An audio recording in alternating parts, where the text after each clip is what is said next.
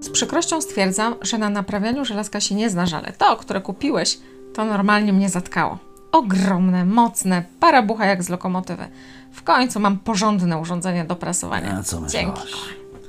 Czyli co, jesteś zadowolona, tak?